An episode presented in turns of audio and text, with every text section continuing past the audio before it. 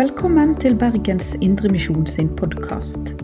For mer informasjon om oss, besøk oss på betlehem.no, eller finn oss på Facebook og Instagram der som Bergens Indremisjon.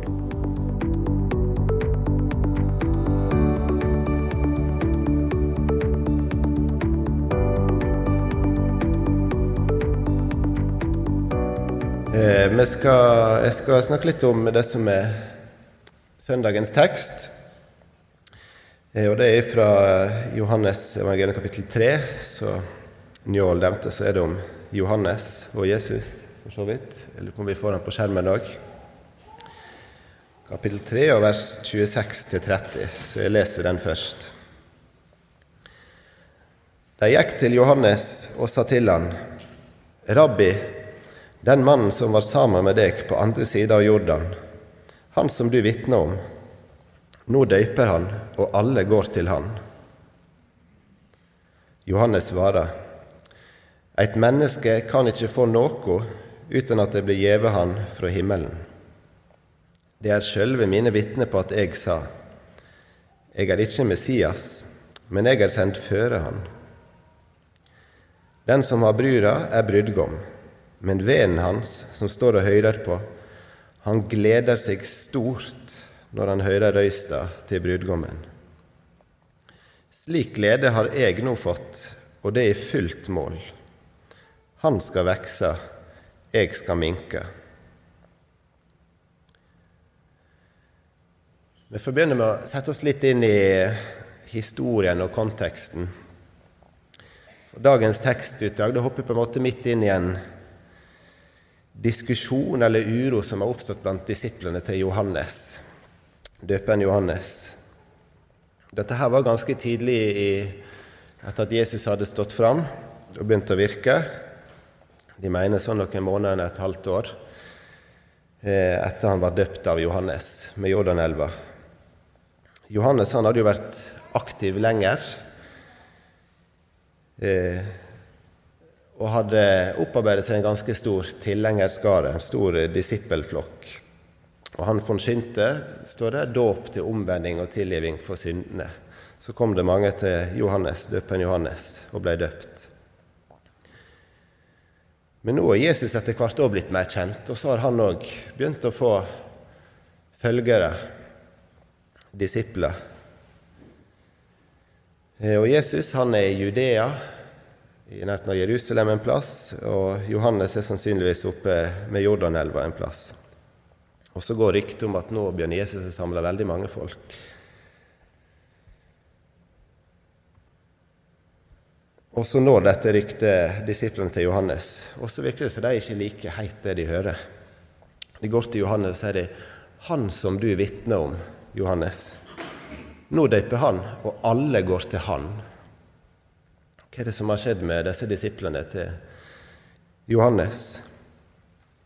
Det er en form for misunnelse, høres det ut som. Litt såra stolthet. Iallfall en sånn forstyrring av det sjølbildet de hadde opparbeida seg. For her vandrer jo de med den store profeten Johannes, som han blir omtalt som. Det var noen som til og med spurte om det var Johannes var, var Messias, eller han var profeten Elias som hadde kommet tilbake. Og så var de hans disipler. Og Så så de da på Jesus som en konkurrent, en som kom og tok oppmerksomheten fra fra Johannes. Så de var kanskje ramma med sånn sjølsentrering, disse disiplene, at, som fort rammer oss mennesker. Her var budbæreren blitt viktigere enn det budskapet som Johannes hadde. For dem var det den posisjonen kanskje som Johannes hadde, som var viktig, og så kom det en annen og, og ble mer populær. Har du noen gang hatt det slik, eller jeg? Sett at noen tar ei rolle som vi kanskje har, jeg kanskje har hatt, enten det er tale, sang eller møteledelse, eller, eller kanskje mer i yrkeslivet, vi skal tenke mer verslig. Og så kjenner vi på litt såra stolthet. Er noen andre som får mer oppmerksomhet enn meg. Jeg får ære som jeg hadde fortjent. Og så kommer denne misunnelsen fram, som kanskje mest bunner i vår egen stolthet. Vi vil ikke bare være gode og på lag med de beste, vi ser òg gjerne ned på de som ikke er det. Det som er ekstra rart med denne misunninga som Johannes' sine disipler hadde, det er måten de omtaler Jesus på, syns jeg, når de kommer til Johannes. For da sier de 'Han som du vitner om'. Så disse disiplene de hadde vært til stede når Johannes vitner om Jesus. Så de hadde hørt det vitnesbyrdet Johannes hadde om Jesus. Men hadde de forstått det eller tatt det inn over seg? Det kan du bli litt i tvil om. for hvis vi går tilbake noen kapittel i Johannes evangeliet og de andre evangeliene, og så leser vi hva var vitnesbyrdet som Johannes hadde kommet, som disse disiplene hadde hørt. Det står referert i alle evangeliene. Vi leser fra Johannes 1, vers 29, og 30 og 34. Dagen etter ser han Jesus komme gående mot seg og sier, Sjå, Guds lam som bærer bort synda i verden. Det var om han jeg sa, etter meg kjem det en mann som er kommet før meg, for han var til før meg. Og jeg har sett det, og jeg har vitna. Han er Guds sønn. Det var Johannes sitt vitnesbyrd om Jesus. Og ved Jesus sin dåp, som det sikkert kjenner til mange, så står det jo om hvordan til og med Gud vitner om Jesus, at himmelen åpna seg. Og så kom de duene og så hørte de Guds stemme som sa:" Dette er sønnen min, han som jeg elsker. I han har jeg mi glede, sa Gud. Så for et vitnesbyrd Johannes hadde om Jesus. Hele evangeliet i det jeg leste nå. Jesus som bærer verdens synd som et uskyldig lam, som Njålåg sa. Uskyldig og rein, og samtidig Jesus som er konge og Gud.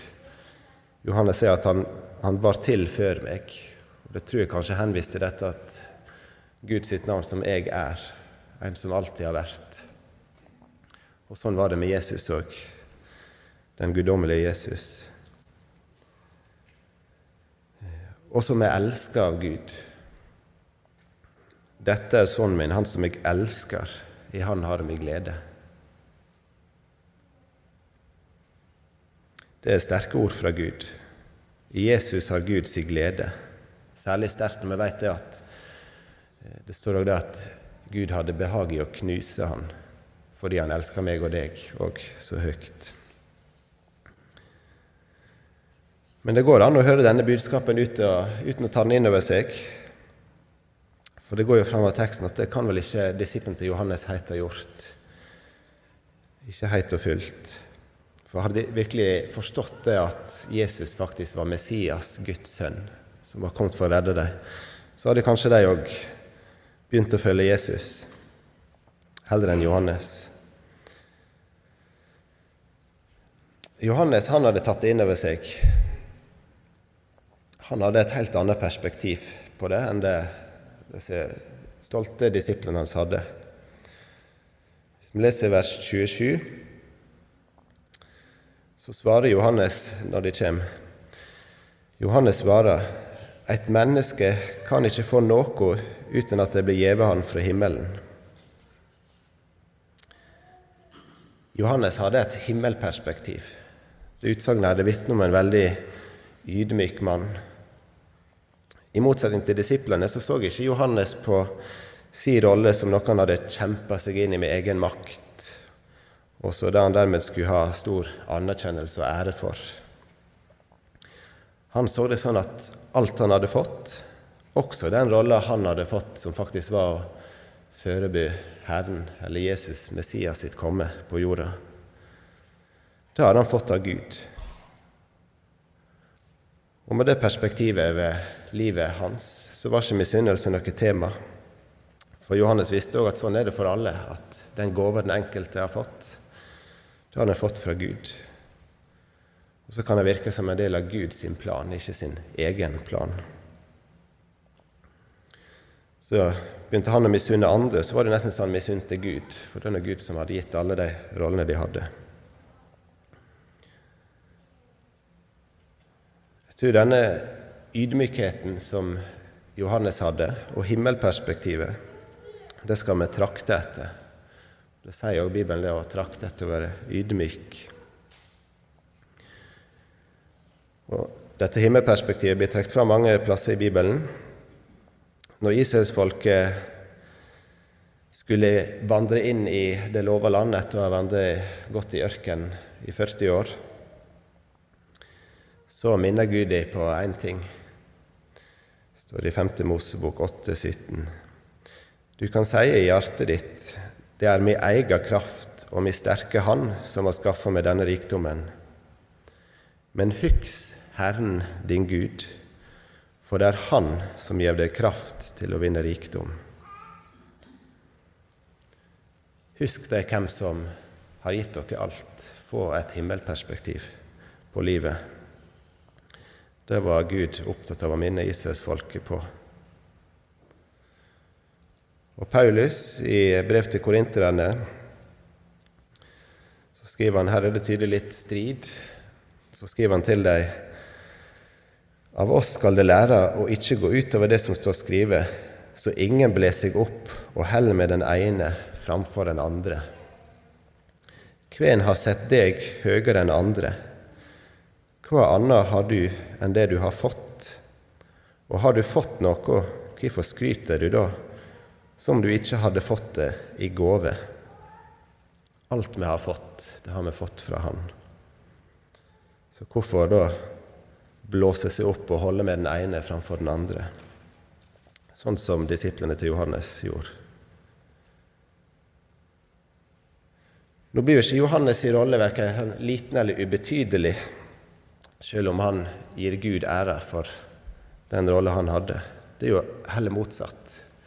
Det er jo mye større å være del av Guds plan enn sin egen plan.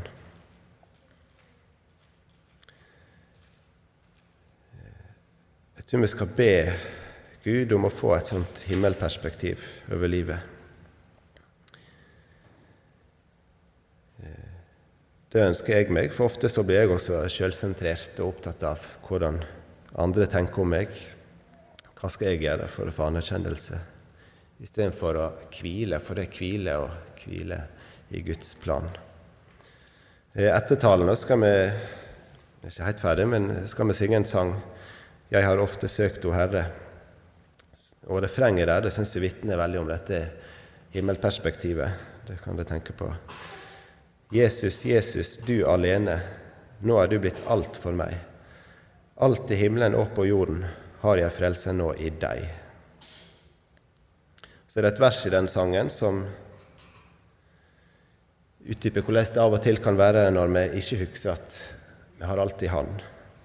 Ofte la jeg store planer under kamp og strid og bønn. Nå er jeg en del av planen til den Herre Krist, Guds sønn. Nå er jeg en del av planen til den Herre Krist, Guds sønn. Som for Johannes så betyr det ikke at planen er mindre, det er heller motsatt. Istedenfor å slite med sine egne planer, så kan en få være en del av planen til Gud.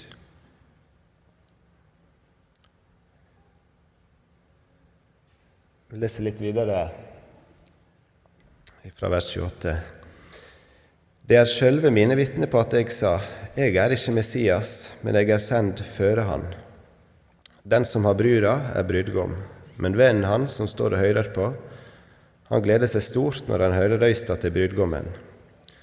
Slik glede har jeg nå fått, og det i fullt mål. Han skal vekse, jeg skal minke. Johannes han må minne disiplene på hva han tidligere har sagt, som de sjøl er vitne på. Og igjen så han ser sin rolle i Guds plan. Sånn at han er sendt føre han, som han skriver. Og så er han ydmyk, og så gleder han seg stort over den rolla han har fått. Han har fått lov å være forlover, som beskriver han det. Og så beskriver han da Jesus som brudgommen, og så er det sånn som vi kjenner senere, at alle vi kristne blir beskrevet som bruder. Og så har Johannes fått rolle å være forlover. Så tenk deg, her kommer disiplene og er misunnelige. Og så tenker jeg kanskje at Johannes òg vil synes dette er litt dumt. Og så er han helt motsatt reaksjon. Han har aldri vært så glad, skriver, sier han. Gleda hans er blitt fullkommen, står det vel på bokmål. Han har fått lov å peke på Jesus som Guds sønn, som Guds lam som bærer bort all verdens synd, og som Gud. Og det er han så glad for å ha fått gjort. Og så ser han òg sin egen rolle. Og det siste han sier, er han skal vokse, jeg skal minke. Det er på en måte en veldig konkret profeti om Johannes, for han endte jo opp i fengsel og ble drept, halshogd. Så han minka jo oss absolutt jordisk sett, mens Jesus vokser. Og Så kan det òg brukes som et bilde tror jeg, for kristenlivet. Sånn som det helst bør være at Jesus kan få vokse i oss.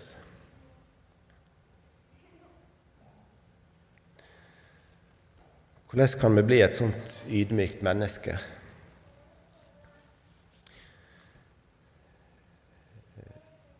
Først må vi kanskje Nå har jeg prøvd litt å definere hva vil det si å være ydmyk, sånn som Johannes har demonstrert.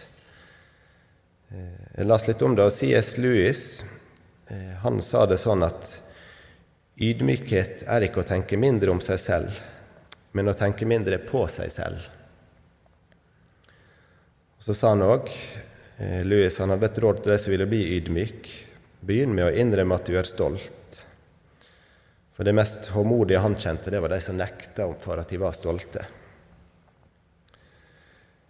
Men å være ydmyk det er ikke å være sjølutslettende. Det er jo kanskje en fallgruve, det. Å tenke at en er et null, får ingenting til. Det er sånn at du får ingenting til når det gjelder å frelse deg sjøl. Men eh, du er ikke et null likevel. Ubetydelig. Det er det som ligger i det Louis sa om at ydmykhet er ikke å tenke mindre om seg selv, men å tenke mindre på seg selv.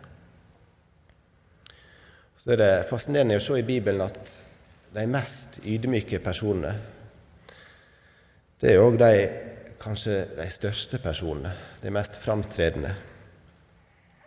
Om Moses så står det i Fjerde Mosebok men Moses var en svært audmyk mann mer ydmyk enn noe annet menneske på jorda.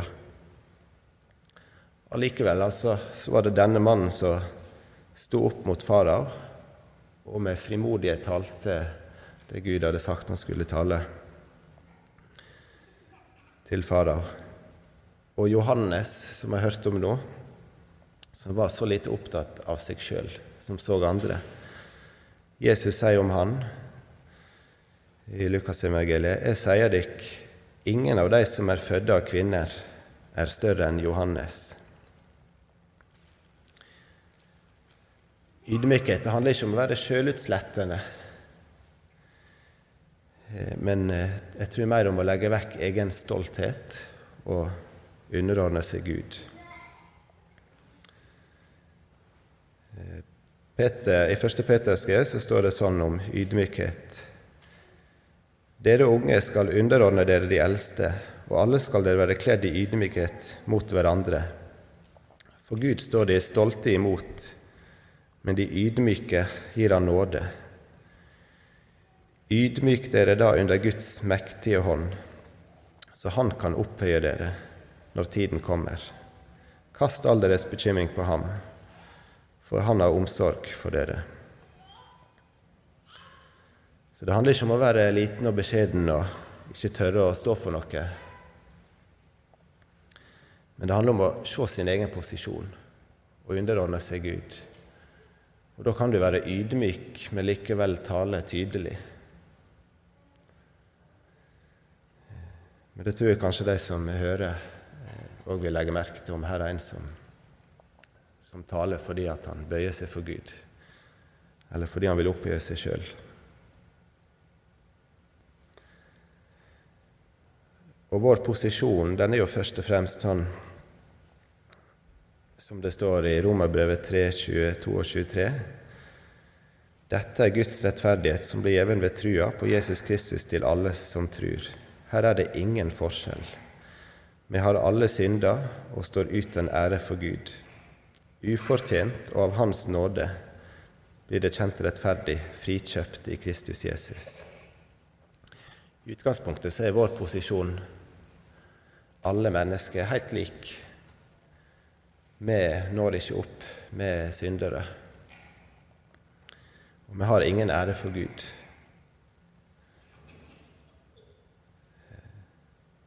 Men så ufortjent, og av Hans nåde òg alle mennesker, så er vi kjøpt fri av Jesus. Og det er ingen forskjell, sier han. Og jeg tror hvis, hvis vi ser dette, dybden i dette, så får vi denne ydmykheten. At vi har fått alt. Og Da blir det sånn som eh, det står i den leseteksten for i dag, i Galaterbrevet 3. For dere er alle Guds barn ved troen, i Kristus Jesus.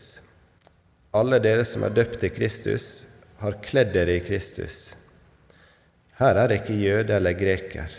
Her er det ikke slave eller fri. Her er det ikke mann og kvinne. Dere er alle én i Kristus, Jesus. Og hører dere Kristus til, er dere Abrahams ett og arvinger etter løftet.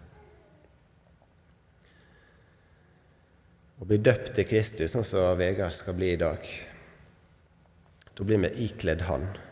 Og da er det ikke forskjell på oss, som det heller ikke var før, når vi alle var syndere. Nå er vi alle kommet inn under Hans nåde, Han som elsker oss. Og da er det ikke lenger jøde eller greker eller slave eller fri eller mann og kvinne. Du får ikke tidligere likestillingsbudskap enn dette, tror jeg. Da er vi alle én i Kristus Jesus.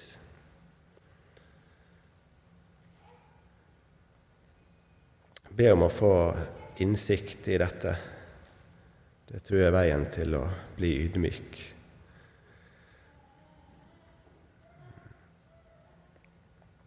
Å bli ikledd Jesus, så det står her, det er å bli ikledd et ydmykt hjerte. En som setter andre framfor seg sjøl. Ingen har vist det bedre enn Jesus sjøl. Husker det at han som var konge, han bøyde seg likevel ned og vaska føttene til Peter og de andre disiplene før eh, nattverdsmåltidet. Og dette er det Jesus sier. Kom til meg, alle de som sliter og har tungt å bære, og jeg vil gi dykk hvile. Ta mitt åk på dykk og lær av meg, for jeg er mild og audmjuk i hjertet. Så skal det finne hvile for dykkar sjel, for mitt åk er godt og mi bør er lett. Kom til Jesus og hvil i hans plan. Be om å få et ydmykt sinn, et ydmykt hjerte. Lær av Han, som han sier her.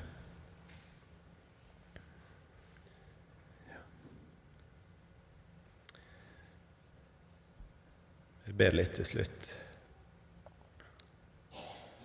Kjære Jesus, jeg ber om at dette ordet må virke i oss, at vi kan ydmyke oss for deg, Jesus, og for hverandre.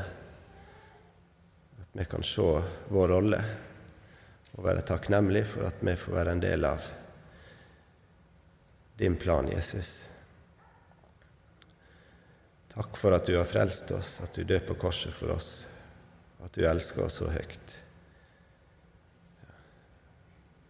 Jeg ber deg eh, for resten av gudstjenesten og for dåpen, kjære Jesus. Vær du med. Ditt navn. Amen. Du har lytta til Bergens Indremisjon sin podkast. For mer informasjon om oss, besøk oss på betlehem.no, eller finn oss på Facebook og Instagram der som Bergens Indremisjon.